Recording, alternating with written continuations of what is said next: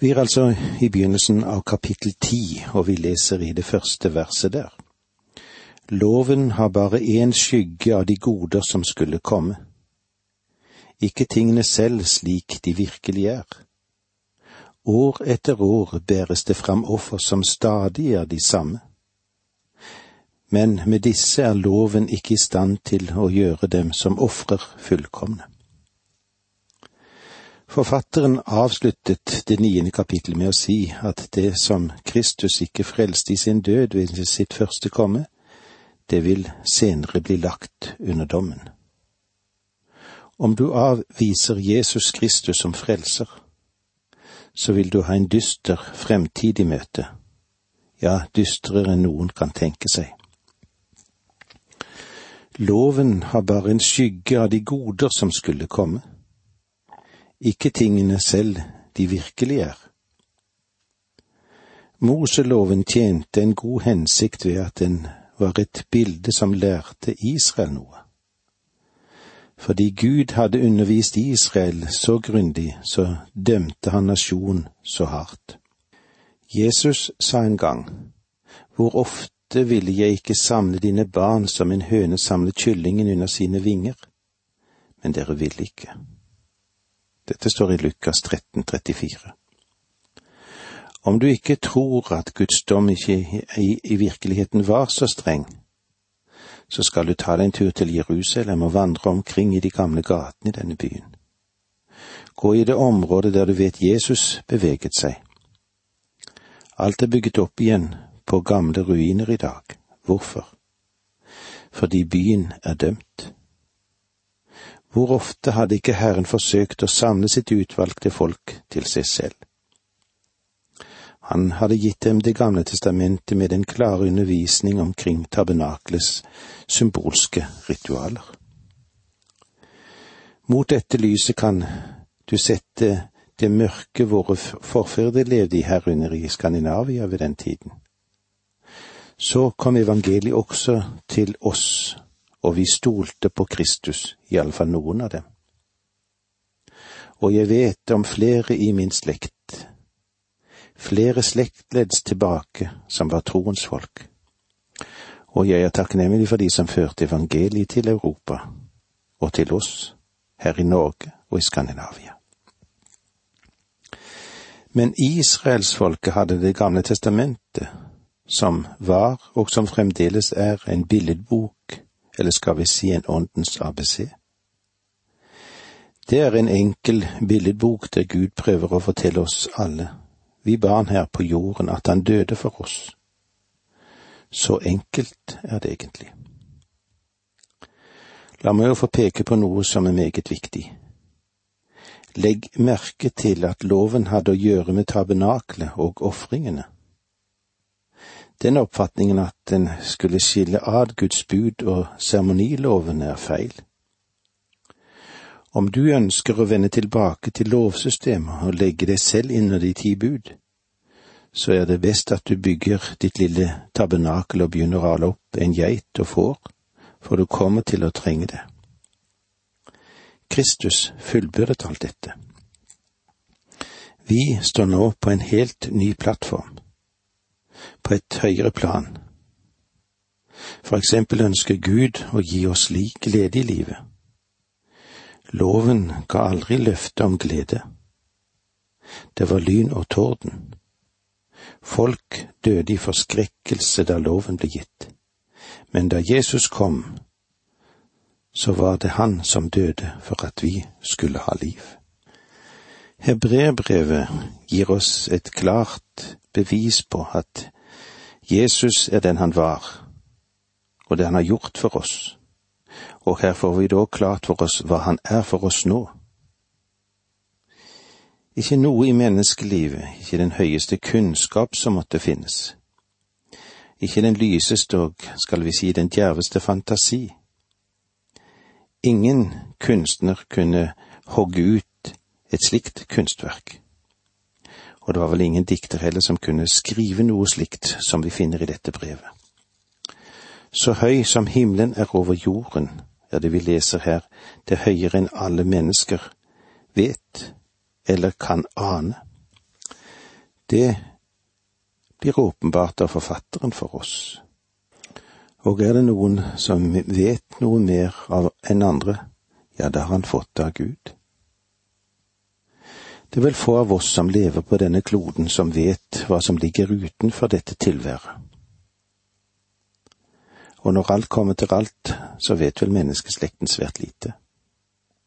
Men her får vi altså vite om Jesus, som var før alle ting, og som har skapt alt.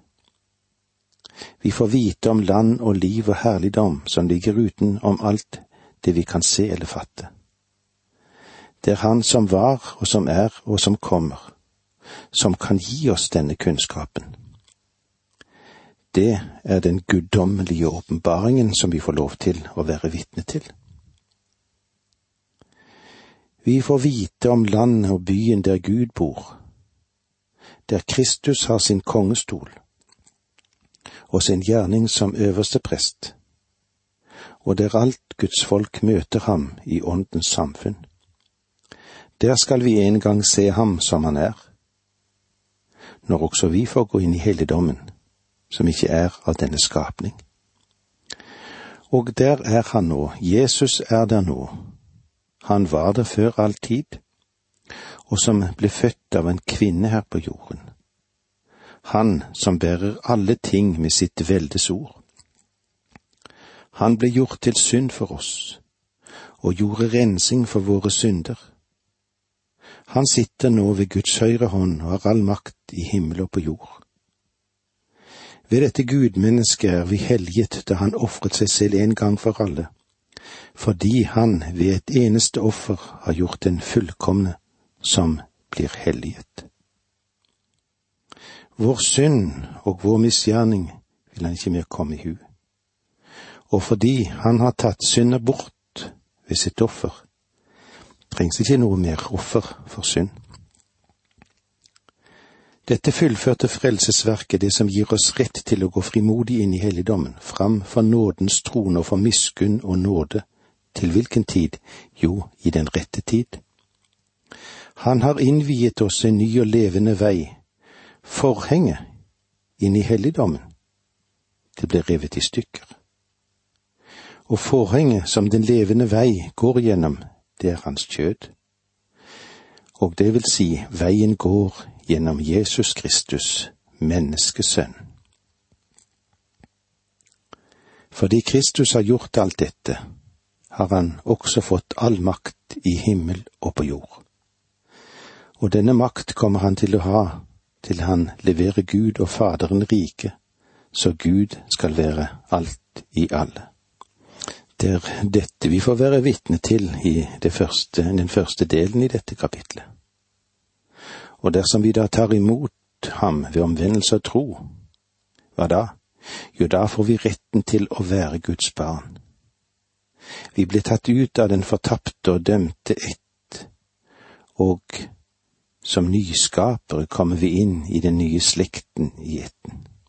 Vi får lov til å være medborgere med Jesus Kristus. Vi leser videre fra vers to i kapittel ti. Ellers hadde de vel holdt opp med å ofre, for hvis de som deltar i gudstjenesten var blitt renset en gang for alle, ville de ikke lenger ha noen bevissthet om synd. Ellers hadde de vel holdt opp med å ofre, om det offeret de, de brakte hadde tatt bort skylden, så ville et offer ha vært nok. Og det er ganske interessant å legge merke til at den Herre Jesus døde, og etter det gikk det bare noen få år før tempelet ble ødelagt. Og israelittene har til nå ikke vært i stand til å reise et nytt tempel. Det virker ikke som om de vil få, et, få det i den nærmeste fremtid heller. Du skjønner at da Kristus ble ofret, da sluttet tempelet og tabernakelet å ha en funksjon. I dag bringer ikke Israel sine offergaver. I dag har jødene det vi vil kunne kalle for en etisk religion.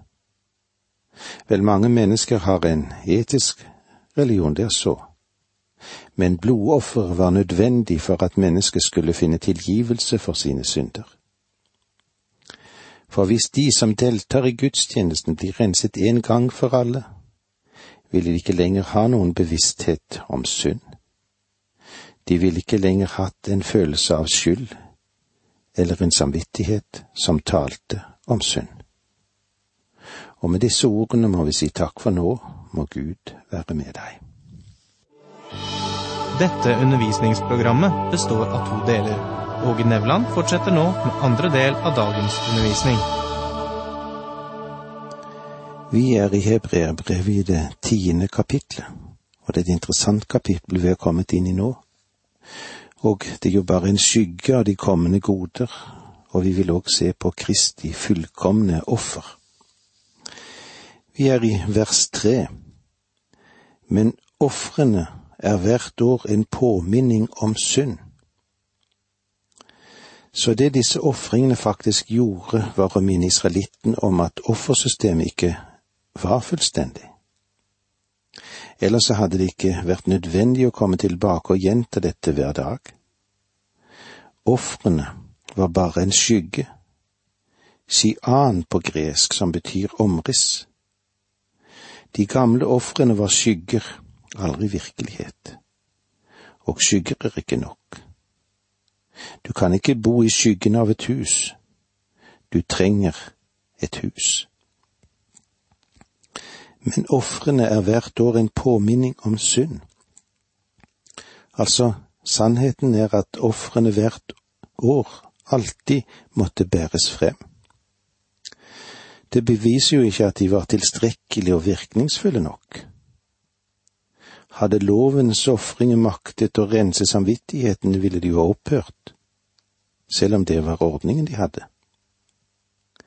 Deres samvittighet og skyldfølelse drev dem til å gjenta disse offerhandlingene. Med sin begrensning har det likevel vært slik at loven hadde sine positive virkninger og betydninger. Synsbekjennelse hørte sammen med ofringene, og ofringene førte derfor med seg at de fremkalte en påminning om syndene. Men når vi ser òg på ofringene, på dyreofringene, på blodsprengningen på alteret i det aller helligste, så var det en brutal handling. Den demonstrerte ved øversteprestens syndens bitre virkelighet. Gjentagelsen hvert år minnet sterkt om at offerblod av dyr umulig kunne bortta synder, men bare minne om syndens veldige alvor. La meg igjen få lov til å si at ofrene ville ikke ha vært nødvendig å gjenta om de hadde vært fullstendige. La oss ta et eksempel, en mann som sier at han er helbredet for en sykdom, men likevel tar han medisin hver time. Da er det lett å slutte seg til at denne mannen ikke er helbredet. Og når et menneske kommer med sine ofre hvert år, da er dette mennesket ikke helbredet for sin synd. Det er Kristus som har brakt det ene offeret en gang for alle i de ofringene som var, lå det et minne om synd år etter år. De feirer sin forsoningsdag hvert år. Hva betydde den? Svaret på det hadde en ikke nådd frem til før Jesus ropte ut på Golgata. Det er fullbrakt. Da var det fullbyrdet og neste år var det egentlig ikke behov for den store forsoningsdagen. Faktisk sier han også at å gå gjennom offerseremonien i dag er å tråkke Jesu blod under fot. Vers fire kapittel ti. For blodet av okser og bukker kan umulig ta bort synder. Blodet av dyr dekket bare over synden inntil Guds lam kom for å ta verdens synd på seg, eller som det står i 1. Johannes 29. Se, der er Guds lam som bærer verdens synd. Nå kommer vi til et veldig avsnitt ifra vers fem til ti i Hebrebrevet ti. Derfor sier Kristus ved sitt komme til verden, Slaktoffer og gave vil du ikke ha, men et legeme gjorde du i stand til meg, brennoffer og syndoffer brydde du deg ikke om. Da sa jeg, Se, her kommer jeg for å gjøre din vilje, Gud. I bokrullen er det skrevet om meg. Først sier han slaktoffer og gaver, brennoffer og syndoffer vil, ville du ikke ha, og brydde du deg ikke om. Enda det er slike offer som bæres frem etter loven. Deretter sier han, se her kommer jeg for å gjøre din vilje. Han opphever altså det som først er nevnt, for å la det andre gjelde. I kraft av denne vilje er vi blitt helliget ved at Jesu Kristi legeme ble ofret en gang for alle. Jeg vil gjerne henvise til noen andre avsnitt her av Guds ord for å gjøre dette avsnitt mest mulig meningsfylt for deg. Går vi tilbake til annen Mosebok, finner vi der i kapittel 19 forberedelsen til at Moseloven ble gitt, og i kapittel 20 finner vi de ti bud. Etter det gir Gud i sin nåde israelittene offersystemet. Og her ser du at alteret følger loven. Også i kapittel 21 kommer vi til noe som synes å være noe malplassert. Men det er et av de vakreste avsnitt i Bibelen. Loven var gitt, og nå sier Gud til Moses. Dette er de rettsreglene du skal legge frem for israelittene når du kjøper en hebraisk trell, skal han tjene i seks år, men i det sjuende året skal han gis fri uten vederlag. De kunne altså ikke holde en slave av sitt eget folk mer enn i seks år. Er han enslig når han kommer, skal han dra enslig bort. Er han gift når han kommer, skal hans kone frigis sammen med ham. Har han fått en kone av sin herre, og hun føder ham sønner eller døtre, skal konen og barna tilhøre hennes herre, og han skal frigis alene. Men, sier trellen, jeg er glad i min herre og min kone og mine barn, jeg vil ikke være fri. Da skal hans herre føre ham frem for Gud og stille ham opp ved døren eller dørstolpen og Hans Herre skal stikke en syl gjennom hans øre hans, så skal han være hans trell for alltid. Dette står i annen Mosebok, kapittel 21, versen 1–6. Hvis du på den tiden så en mann gå omkring med et hull i øret, så visste du at han hadde fått en hustru, at han hadde betalt prisen ved alltid å være slave for hennes skyld det var en mektig lov, og så var det noe vakkert ved dette. Men hva ligger betydningen i? Vel, la oss nå følge meningen av dette avsnittet, og la oss se i Salme 40, versen 7 og 8. Slaktoffer og gave bryr du deg ikke om. Du har åpnet mitt øre, det vil si du har gjennombåret det med en syl brennoffer og syndoffer krever du ikke. Da sa jeg, se her kommer jeg, i bokrullen er det skrevet om meg. Dette er sitert i Hebrevbrevet og tilpasset på den Herre Jesus Kristus. Her møter vi et av de vakreste bildene i Bibelen. Den Herre Jesus kom til jorden, vokste opp, og ved trettiårsalderen begynte han sin jordiske tjeneste. Da han kom til slutten av denne tjenestetiden, kunne han si, Hvem av dere kan overbevise meg om synd? Han var hellig, han var uten flekk eller lyte, atskilt fra syndere. Han kunne ha forsvunnet fra denne jord hvilken som helst dag han ønsket. Han kunne gå tilbake til himmelen og overlatt jorden i synd. Overlatt deg og meg til syndens slaveri. Men han elsket oss så høyt at han ga sitt liv for oss. Ja, Gud elsket verden så høyt at han ga sin enbårne sønn, så i stedet for at hans øre ble gjennombåret av en syl, så ga han sitt eget legeme. Et legeme til hva? Til døden. Til døden på korset.